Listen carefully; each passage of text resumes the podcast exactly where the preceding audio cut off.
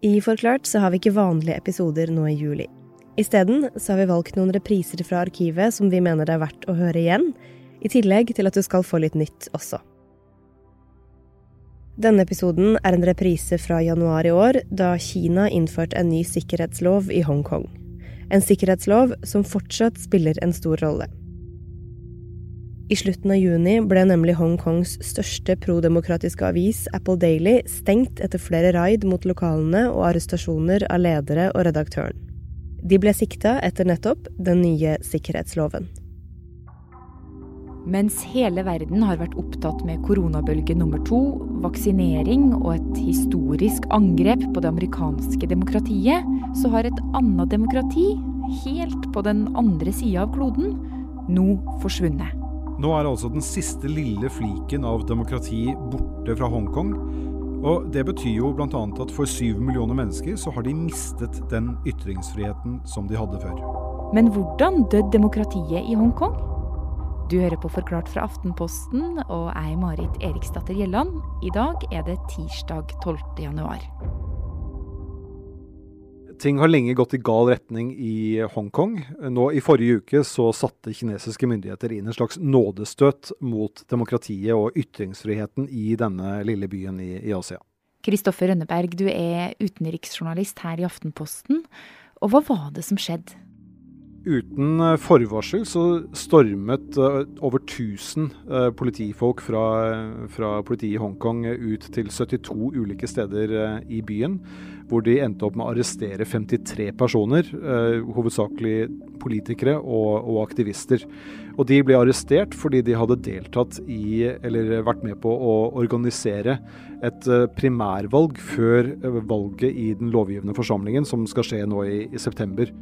Ok, Så de her politikerne de ble rett og slett arrestert fordi de planla å stille til et valg? Ja, og det er jo som om eh, Jonas Gahr Støre og Trygve Slagsvold Vedum skulle bli arrestert nå fordi de planlegger å vinne valget til høsten. Og her i Forklart så har vi jo snakka om Hongkong mange ganger, men for å henge med nå, så er det lurt med en liten recap. Hongkong var en britisk koloni på sørkysten av Kina med fullt demokrati. Men i 1997 så ga britene Hongkong tilbake til Kina med én stor betingelse. Nemlig at byen skulle få beholde styresettet og ytringsfriheten sin fram til 2047. Tanken var at Kina innen den tid skulle ha endra seg fra å være et diktatur til å bli mer åpent og fritt. Men sånn har det ikke gått. For litt etter litt så har kinesiske myndigheter stramma grepet om Hongkong. Og selv om byen på papiret har beholdt friheten sin, så har virkeligheten under Kina vært en helt annen. They give you this limited uh, uh, room and space, mm. what we call in Chinese zoo politics. Claudia Mo er en av de ledende politikerne og aktivistene i Hongkong, og har i årevis kjempa for at Hongkong skulle beholde demokratiet sitt. Men for hvert år hun har holdt på, så har det blitt vanskeligere og vanskeligere. Og livet med det kinesiske diktaturet som presser seg på, beskriver hun som å leve i et bur. It's within a cage. Mm. You can still do whatever you want. You can dance, you can sing, but you're inside a cage and you knew it perfectly, so watch out. Og i 2014 fikk folk i Hongkong nok og tok for første gang et ordentlig oppgjør med kinesiske innstramminger.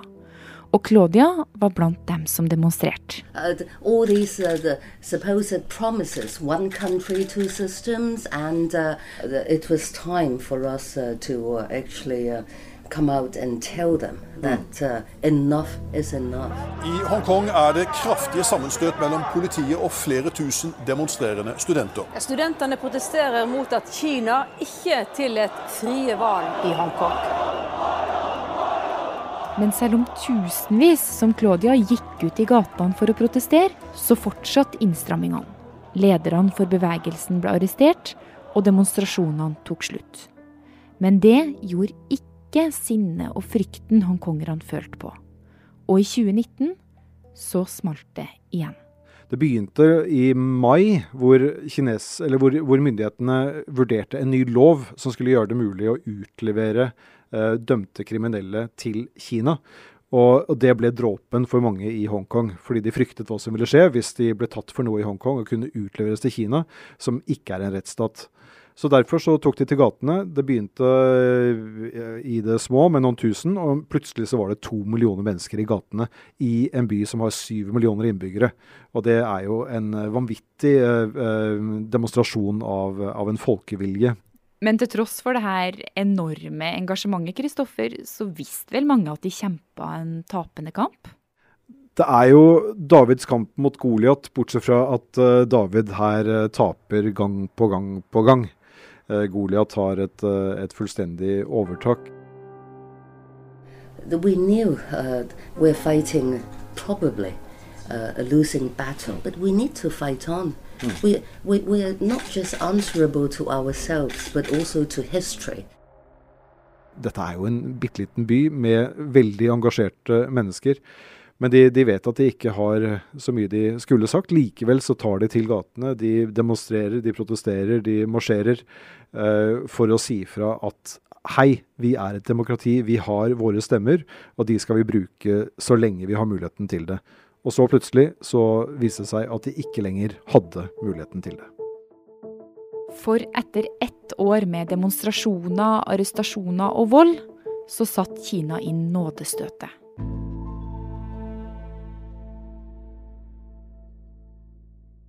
I sommer så skjedde det mange hadde fryktet, at eh, kinesiske myndigheter grep inn med makt. De gjorde det ikke med militærmakt, sånn som mange hadde sett for seg på forhånd, at de skulle rykke inn med soldater. Eh, det var mye diskusjon. Man hadde sett eh, soldater samle seg langs grensen og fryktet at de skulle rykke inn på den måten. Det gjorde de ikke. I stedet så rykket de inn med et lovverk, en sikkerhetslov, som ble vedtatt i Beijing for Hongkong. Fox News alert police in Hong Kong making their first arrest under a controversial law that went into effect yesterday. It's controversial new security law for Hong Kong. The end of Hong Kong. Denne sikkerhetsloven den er såpass vag at den kan omfatte det aller meste av motstand mot myndighetene. Den sier at man ikke har lov til å begå terrorisme, man har ikke lov til å gjøre noe for å skille Hongkong fra Kina. Man har ikke lov til å undergrave myndighetene, og man har ikke lov til å samarbeide med utlendinger meninger. Men lovverket kan, kan tolkes såpass bredt eh, at det er mulig å dømme folk for bare det å demonstrere i gatene. Og det er ekstremt hard straff for å bryte denne loven. Det er opptil livstid i fengsel. Så i bunn og grunn, da, hva førte denne litt sånn runde loven til? Man så da loven ble innført i slutten av juni så visste man at den første prøven for uh, dette nye lovverket det ville være 1.7, som var årsdagen for da Hongkong ble overført til, til, Kina i 1997. Da er det alltid store demonstrasjoner i Hongkong 1.7 på den årsdagen. I år så var det nesten helt stille i gatene. Folk skjønte at det å demonstrere ikke lenger var noe som man kunne gjøre i, i trygghet og i sikkerhet man visste at hvis man tok til gatene, så kunne man bli fengslet, og man kunne faktisk bli sittende i fengsel resten av livet. Altså Det du sier her nå, Kristoffer, for, eh, i Forklart så sitter vi jo ofte og henter ut lyd fra demonstrasjoner og ting som skjer i verden, og i, også i Hongkong. ikke sant? Vi har henta ut masse lyd fra store demonstrasjoner. Men siden i sommer så kan ikke jeg huske at jeg har sett noe, noe særlig videoer fra Hongkong. Nei, det ble veldig stille veldig fort. Folk skjønte alvoret. Det, det, var et sjokk for hele bevegelsen. Eh, og de har jo diskutert seg imellom hva de skal gjøre. De, de, valgte veldig raskt å avslutte disse store massedemonstrasjonene i gatene. Eh, og så har det blitt ganske stille også i sosiale medier og, og på nett, fordi de vet at eh, alt de sier, alt de gjør, det kan brukes mot dem i retten, og, og da kan de havne i veldig alvorlig trøbbel. Og det som skjedde forrige uke, var jo at en haug med politikere og aktivister ble arrestert etter å ha arrangert et lite valg, der de egentlig bare skulle bestemme hvilke kandidater som skulle være med og stille til valg neste høst. Og at det skjer nå, Kristoffer, det er jo ikke tilfeldig. Nei. Vi vet at eh, myndighetene i Beijing har bra med selvsikkerhet for tiden. Eh, koronakrisen rammet dem veldig hardt til å begynne med i fjor, og så har de kommet seg forbi den, mens resten av verden ligger nede med brukket rygg og er distrahert både av koronakrisen og når det gjelder USA, også med det kaoset som, som pågår der. Så Derfor bruker nok Beijing-myndighetene denne muligheten, mens resten av verden ser en annen vei, til å gjøre en del ting som kanskje ville vært vanskeligere ellers. Og da kan man tenke seg, jeg vet jo ikke, men man kan tenke seg at å gripe inn mot disse politikerne og aktivistene i Hongkong, det var lettere å gjøre nå enn hva det ellers ville vært, fordi resten av verden er, er distrahert. Men du Kristoffer, det er én ting jeg ikke skjønner her, og det er hvorfor vi ikke har gjort noen ting, altså oss andre i verdenssamfunnet, når Kina har stramma grepet over så mange år? Ja, det spørs hva man skulle gjort. da. Eh, Hongkong er jo en del av Kina. Og kinesiske myndigheter har jo lov til å gjøre det de vil uh, med Hongkong. Så er det som har holdt dem igjen, er jo denne avtalen de inngikk med britene, som, uh, som trådte i kraft i 1997 hvor de lovet at Hongkong skulle få beholde sitt system i 50 år, altså fram til 2047. Så nå velger Beijing å bryte den avtalen. og da kan man jo spørre seg Én ting er hvorfor eh, Vesten ikke gjør mer, for, og det er begrenset hva de kan gjøre. Men hvorfor man skulle velge å inngå nye avtaler med Kina når man ser hvor lett de har brutt denne her. Hvorfor EU skulle velge å inngå en investeringsavtale, noe de er i ferd med å gjøre. Hvorfor Norge skulle velge å inngå en handelsavtale, noe Norge er i ferd med å gjøre. Eh, det er klart at eh, For politikerne i Vesten så må man ha det i bakhodet at kinesiske myndigheter de har tatt ganske lett på denne internasjonale avtalen, og vil jo sannsynligvis også gjøre det med andre. Det er et marked der som alle har lyst til å ha tilgang til? Dette her er et spørsmål om penger, selvfølgelig. Det er masse penger å tjene. Et stort marked, mange kunder og mange leverandører. Og det har jo selvfølgelig også en verdi som må måles opp mot verdien av ytringsfrihet og menneskerettigheter. Og politikeren Claudia Moe som du snakka med i 2019, hva var det som skjedde med hun da?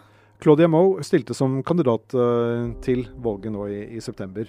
Og, og, dessverre så var hun også blant uh, dem som ble, den som ble arrestert.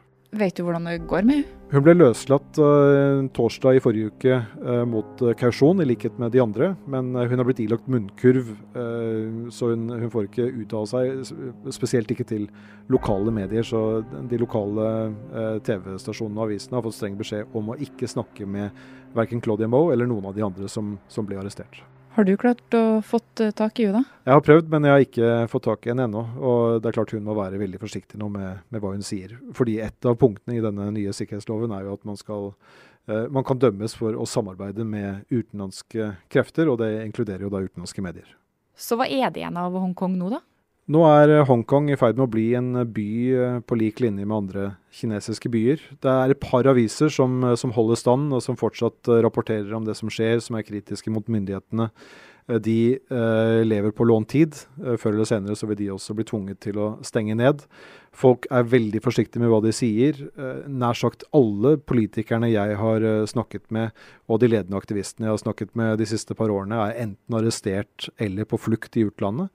Så det er en uh, veldig, veldig trist situasjon for, uh, for, det som for ikke så lenge siden var et uh, yrende demokrati. Og som Claudia sa i 2019, så håper hun at selv om de taper sin demokratikamp, så vil det i hvert fall stå i historiebøkene at de kjempa.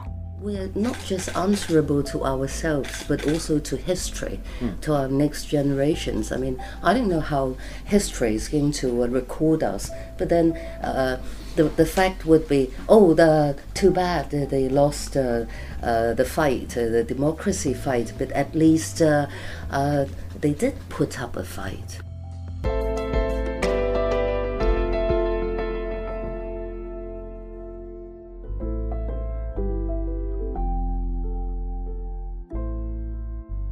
Denne episoden var laga av produsent Ina Swann og meg, Marit Eriksdatter Gjelland. Resten av Forklart er Anne Lindholm, David Vekoni og Caroline Fossland.